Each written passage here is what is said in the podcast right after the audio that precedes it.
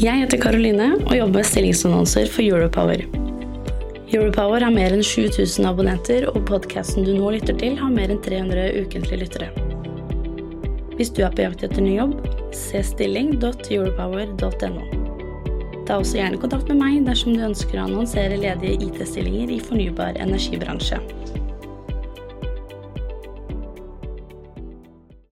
Du, på vår store IT-konferanse så samlet vi nesten 300 deltakere. Men visste du også at vi samler teknologioptimister seks ganger i året for erfaringsdeling og nettverksbygging? Ja, og nå er det jo også mer enn 30 selskap som er medlemmer. Både nettselskap, IT-software-selskap, organisasjoner og mye, mye mer. Og så møtes vi på, på nettverkstreff ute hos hverandre. Og i år så har vi vært hos Embrik, DNV, Soprasteria og nettselskapet Lede. Og så skal vi snart møtes hos Statnett, og deretter Itera. Men da ses vi, da. Gjør vi ikke? Hvis du er medlem, så ses vi. Hvis ikke Så kan du gå inn på teknologioptimistene.no og bli medlem. Du lytter til Teknologioptimistene fra Europower Partner. Redaksjonen i Europower har ikke medvirka i denne produksjonen. Hei og velkommen til Teknologioptimistene, en podkast for IT-beslutningstakere i fornybar energibransje. Jeg heter Pia Christensen Moe og jobber i Europower. Europower er en del av DN Media Group og en nyhetstjenesten som skriver om da fornybar energi. Og i dag har jeg fått besøk av Per Oddvar Osland, forskningsleder i Glitrenett. Velkommen! Tusen takk for invitasjonen. Veldig hyggelig å være her. Så herlig. Du, eh, sier du Per Oddvar, eller sier du Per, eller sier du Oddvar? Per Oddvar. Du sier Per Oddvar. Per perfekt. Kan ikke du fortelle oss litt hvem du er, Per Oddvar? Jeg er en eh, familiefar. Bor i Lillesand. Mm. Eh, har uh, kone og tre sønner. Og har bodd der i ja, 15 år. Ja. Uh, så de to eldste flytta ut, og den yngste bor fortsatt hjemme. Han er tolv år. Han er tolv år, ja. Du, har du en fun fact om deg selv? Oi, det var det der, ja. ja. Jeg har tenkt litt på det. Ja. Uh, jeg vet ikke om det er så mye fun med meg, men jeg har hatt et litt uvanlig yrke, iallfall en kort periode. Jeg har ja. jobba som budeie. Dette her er rått, altså. Ok, du har jobba som en budeie, ja. Ja, det er vel det du kan kalle en, en som er på setra og melker kyr. Ja. ja. ja. Du, perfekt. Hvor lenge var du da? Det var en sommer, så det var seks uker. Ja, det var. Det var en sånn periode der, ja. Så når jeg eh, vokste opp Jeg vokste opp på et lite småbruk på Vestlandet, ganske ja. langt ut med kysten, så da var det mye landbruk og skogbruk og fiske i ja. oppveksten. Men ja. eh, seinere har det blitt litt mer matte og dataanalyse og sånn. Perfekt. perfekt. Du, for, Som en forskningsleder, uh, hva er ditt ansvarsområde da i Glitrenett? Ja, Den første oppgaven er egentlig å ha oversikt over porteføljen vår. Vi har en ganske stor uh, ramme med midler å forvalte, og må sørge for at vi har prosjekt som er relevante og som er nyttige for oss. Og ja. at vi hele tida uh, yter det vi skal i forhold til det vi har forplikta oss til i de prosjektene. Og så er jeg òg leder for en del av de prosjektene. Men hvem er det du rapporterer til, da? Jeg har en eh, leder som eh, er leder for innovasjon og FoU. Okay, og ja. oppover der så går det videre til leder for eh, digitalisering, innovasjon og IKT-sikkerhet. Du var jo på vår konferanse her, sånn, Teknologioptimistene. Eh, og da snakket vi jo om eh, mye om hvor det egentlig gjør eh, mest vondt akkurat nå i nettbransjen. og IT-utvikling. Hva, hva mener, hvor mener du at det gjør vondt? Det er jo på mange områder det går veldig godt, da. Det må man jo først, og fremst si. At det føles, veldig, føles veldig godt. Og eh, det er jo bl.a. det at eh, strøm og nett har jo gått ifra å være et eh, lavinteresseprodukt til å bli et høyinteresseprodukt. Ja. Og så er det jo noen som ser litt negativt på det, men det er jo alltid hvordan en velger å vinkle det. Så i vår bransje så tenker vi at det er en veldig positiv uh, utvikling.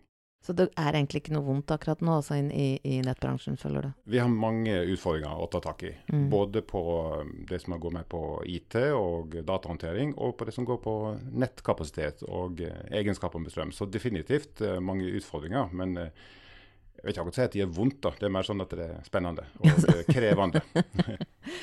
du, etter sammenslåingen av Agder Energinett og Glitrenett, så har dere nå blitt Norges nest største nettselskap. Hva har vært den største utfordringen for deg?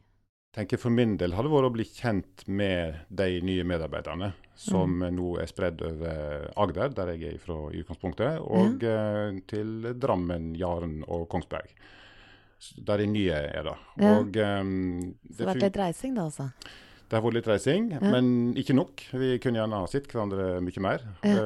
Um, så det har gått mye på team, så det fungerer tålelig bra. Og så skal en gjerne møtes ansikt til ansikt for å få den rette kjemien og for å få en god start. Men når, eh, vi, la oss gå litt over på da egentlig eh, litt av mm. tittelen din, da. Så hva er det med forskning som fascinerer deg? Det er jo veldig mange ting. Altså, i sånn Personlig så er det jo det at en får jobbe med ting som er nytt og spennende. Så en får jo tilfredsstilt all nysgjerrighet og all sånn mm. uh, lyst til å jobbe med, med, utvikling og få til nye ting og skape resultat. Eh, så ligger det jo òg mye sånn grundig arbeid i forskning. Jeg har eh, bakgrunn fra forskning på, i Telenor tidligere. Ja. Og så har jeg jobba en del på NTNU. Så eh, det er jo mye langvarig Du er en nysgjerrig kar? Ja, det kan du si. Ja. jeg leste en sak på Sintef sine sider hvor du uttalte deg om at det ofte er en bøyg for nettselskapet i å ta bruk nye løsninger fra forskningsresultater og innovasjonsprosjekter i vanlig drift. Hva, hva mener du med dette? Det eh, betyr at eh, vi ofte kommer fram til veldig mange gode resultat i forskningsprosjekt, som vi har mange av, og som vi engasjerer oss i. Men så kan det være en terskel å få det omsatt til en uh, reell endring i måten vi jobber på. Og det er ikke fordi at folk ikke vil, eller fordi ikke de ser nytten, men fordi at det, det krever en del å gjøre en endring. Mm. Både på den daglige arbeidspraksisen, men òg på måten en samhandler på. Så det har ofte en del eh, konsekvenser da, som gjør at en må, en må, involvere mange folk, og en må, må, velte om på en god del ting nå for å få en ny retning. Det var en liten fugl som eh, hvisket meg i øret, eller kvitret meg i øret her, eh, at du presenterte noe på Smartgrids-konferansen kapasitetskart? Ja, det er riktig. Det er ja. noe vi jobber med nå. Det er veldig spennende. Ja. Fortell. Utdyp. I eh, Norge så er det nå for lite nettkapasitet, og veldig mange nye kunder vil koble seg på nett. Ja. Og så kan en gjøre en god del ting med å prøve å utnytte den kapasiteten som finnes, men vi må bygge mer nett. Det er ikke tvil om. Så vi lager nå et eh, kapasitetskart som viser hvor det er ledig plass i nettet. Mm.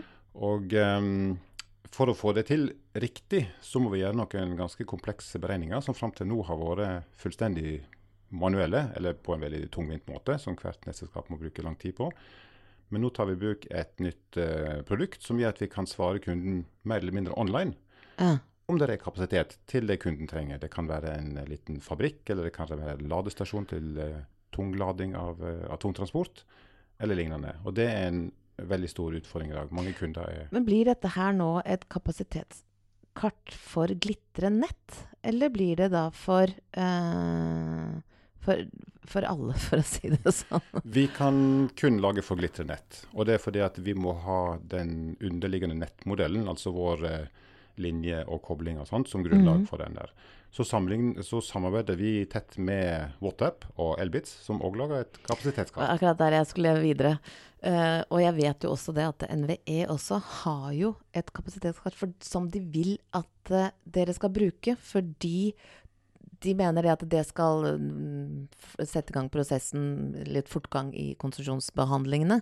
Så, så, jeg tenker egentlig at det kapasitetskartet burde man egentlig prate litt om. For jeg vet også at Volue, eller uh, Det er noe sånn Digin Det er en, en underleverandør av Volue, i samarbeid med de, da, som også skal levere noe sånt noe.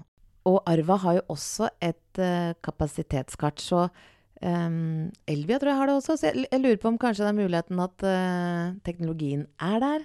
Copy-paste, jeg vet ikke. det er riktig at det er mange initiativ på gang, og vi har en veldig tett dialog i bransjen om det her. Og så ser vi at det blir løst på litt ulike måter og med litt ulike innfallsvinkler. da. Ja. Men vi har tett dialog, og vi prøver å få til den løsninga som gagner både god oversikt sånn over total landet totalt sett, mm. og at vi kan komme ned på det enkelte nettselskap og være mer ned på detaljene. da. Og Det er jo det vi får til med vårt prosjekt i Data Arena. Ja, men det gleder meg å høre. Jeg tenker litt sånn, da. Uh, om vi drar dette noe videre. En av de største konkurrentene til f.eks. leverandørene, som har da er jo innovative, de har gode løsninger, de har også holdt på med liksom forskningsstadiet. Det kan ha kommet fra NTNU, det har kommet Ikke sant? Det er, det er mye gode løsninger. Den største konkurrenten deres er jo da faktisk nettselskapene selv, hvor de skal finne opp alt kruttet inhouse. Så spørsmålet blir vel da at um, Skulle faktisk dere egentlig brukt egentlig leverandørene litt mer enn å sitte inhouse og forske på det selv? Det er litt sånn digresjon, dette her, sånn, men jeg var litt nysgjerrig på dette spørsmålet. Mm. ja, de, de, aller fleste forskningsprosjekter er jo et samarbeid mellom eh, nettselskap, akademia og eh, leverandører. Ja. F.eks. det eh, forskningssenteret Sineldi som du la oss om i den eh, podkasten, eller den eh, eh, den bloggen. Ja. ja. ja. Så det, det, er veldig mye samarbeid, og vi prøver ofte å ha leverandører med. Og så av og til så tenker vi at her får vi det ting ganske bra sjøl, og, ja. og, det går kanskje kjappere. Men vi prøver uansett også å dele resultater. Det er jo òg et krav for å få forskningsstøtte, at en deler resultater. Jeg må få lov til å spørre, hva, og det er ikke alle som vet heller, hva er Sineldi? Sineldi det er et såkalt uh, forskningssenter for miljøvennlig energi. Ja. De finnes det 13 av i Norge per nå. Det er stort sett åtteårige program som er eh, støtta av Norges forskningsråd. Og Det er jo et senter der, uh, i vårt tilfelle Sineldi, som står for Center for Intelligent uh, Electricity Distribution, altså Senter for smart, smart distribusjon. distribusjonsløsning. Ja, okay. ja. Det er jo et senter som er ledet av Sintef, og som veldig mange norske nettselskap deltar i, og veldig mange leverandører. Er det slik at uh, alle prosjektene kommer dit, og, det, og, da er det mye enklere å holde litt ordning og reda, da? Eller når, uh, hvem som får støtte, og hvem som ikke får støtte, og om dere forsker på de samme tingene, og at man skal gli litt? Ranel. Hvordan fungerer det i prak praksis, egentlig? Eh, den store fordelen med Sinelli er at det går over lang tid, og at det involverer mange.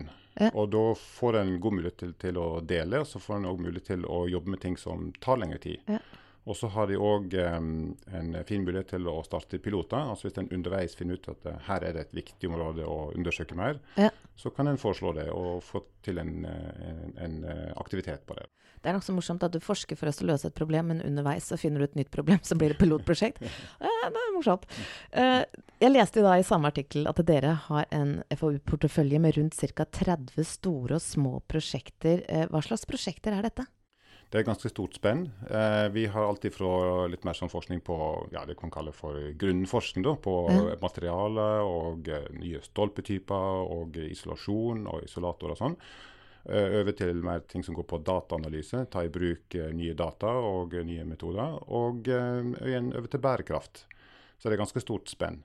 Men er det ikke enkelt å miste kontroll da, over alle disse prosjektene? Det er jo det som er min jobb, da, å holde oversikt og sørge for at det både er Så hvis ikke du gjør jobben din, så OK, ja, men den er veldig grei. Med Europowers nyhetstjeneste er du i forkant av utviklingen.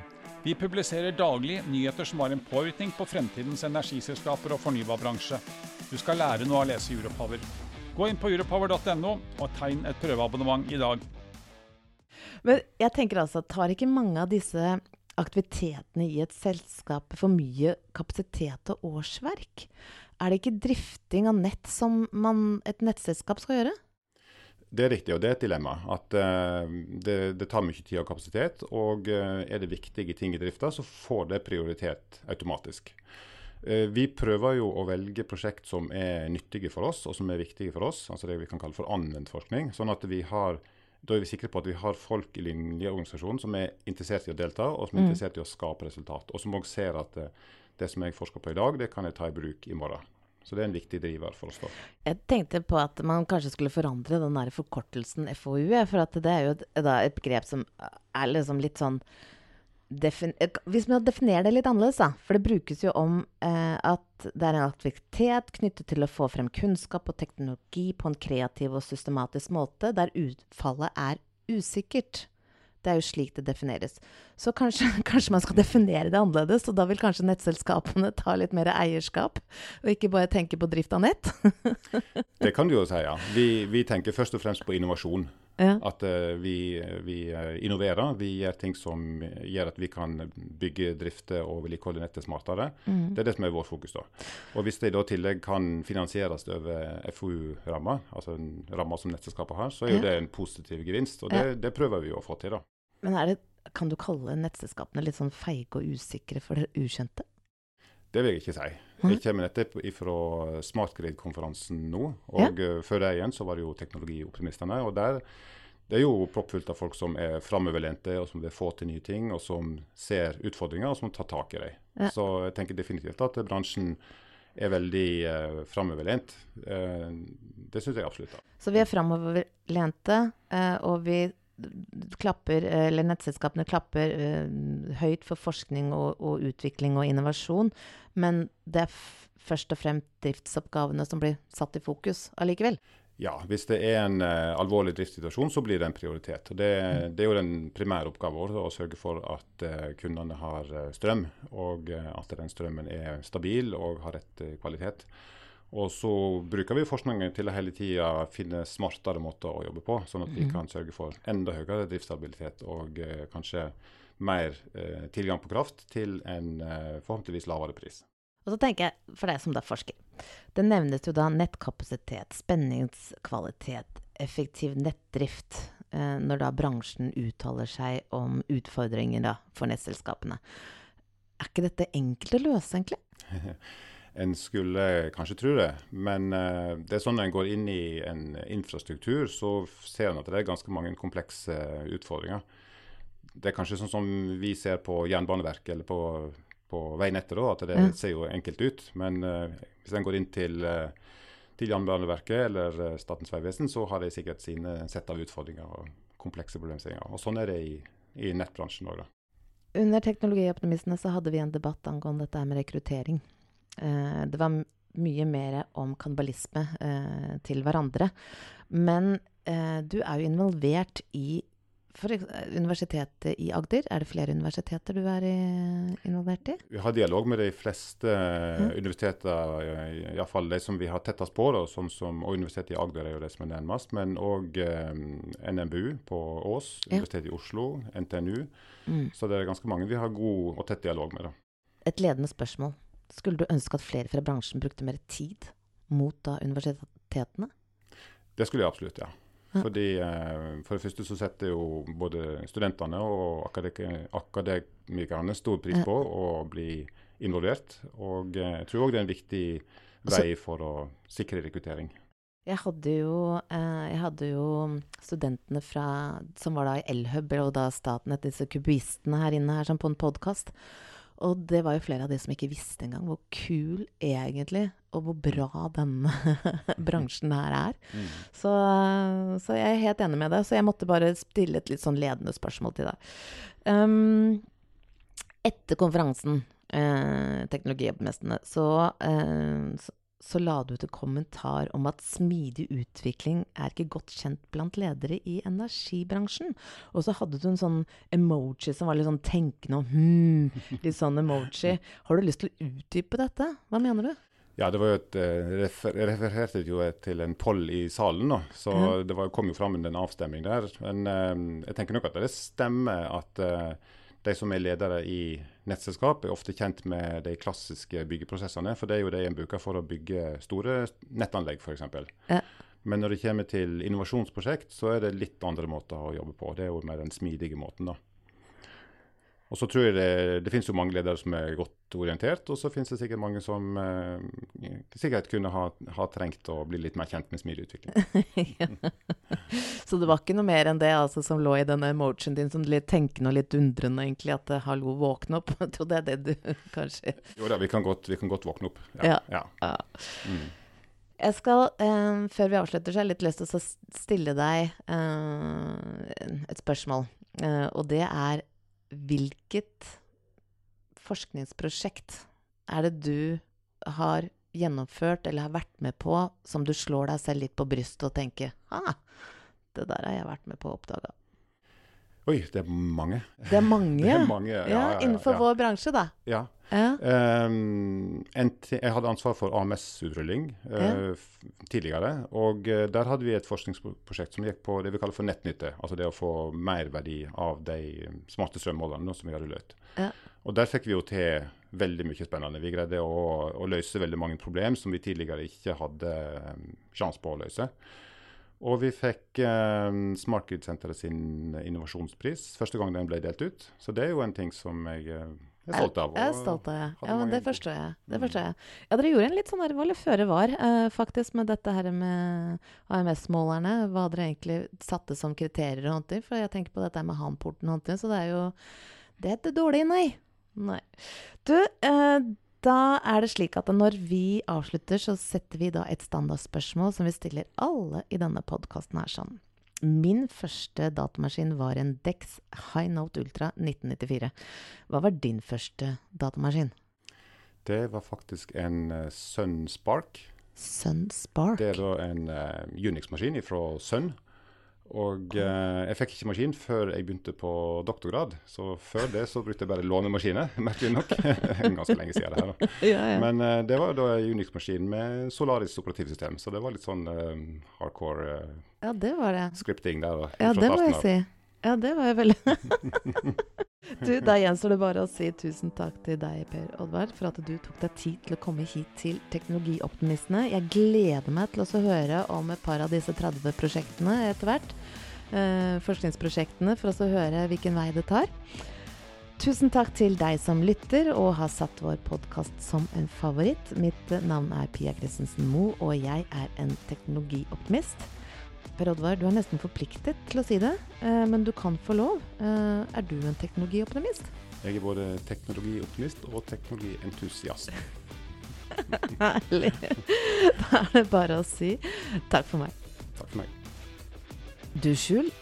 På vår store IT-konferanse så samlet vi nesten 300 deltakere. Men visste du også at vi samler teknologioptimister seks ganger i året for erfaringsdeling og nettverksbygging? Ja, og nå er det jo også mer enn 30 selskap som er medlemmer. Både nettselskap, IT-software-selskap, organisasjoner og mye, mye mer. Og så møtes vi på, på nettverkstreff ute hos hverandre. Og i år så har vi vært hos Embrik, DNV, Soprasteria og nettselskapet Lede. Og så skal vi snart møtes hos Statnett, og deretter Itera. Men da ses vi, da. Gjør vi ikke? Og hvis du er medlem, så ses vi. Hvis ikke, Så kan du gå inn på teknologioptimistene.no og bli med. Jeg heter Karoline og jobber med stillingsannonser for Europower. Europower har mer enn 7000 abonnenter, og podkasten du nå lytter til, har mer enn 300 ukentlige lyttere. Hvis du er på jakt etter ny jobb, se stilling.europower.no. Ta også gjerne kontakt med meg dersom du ønsker å annonsere ledige IT-stillinger i fornybar energibransje.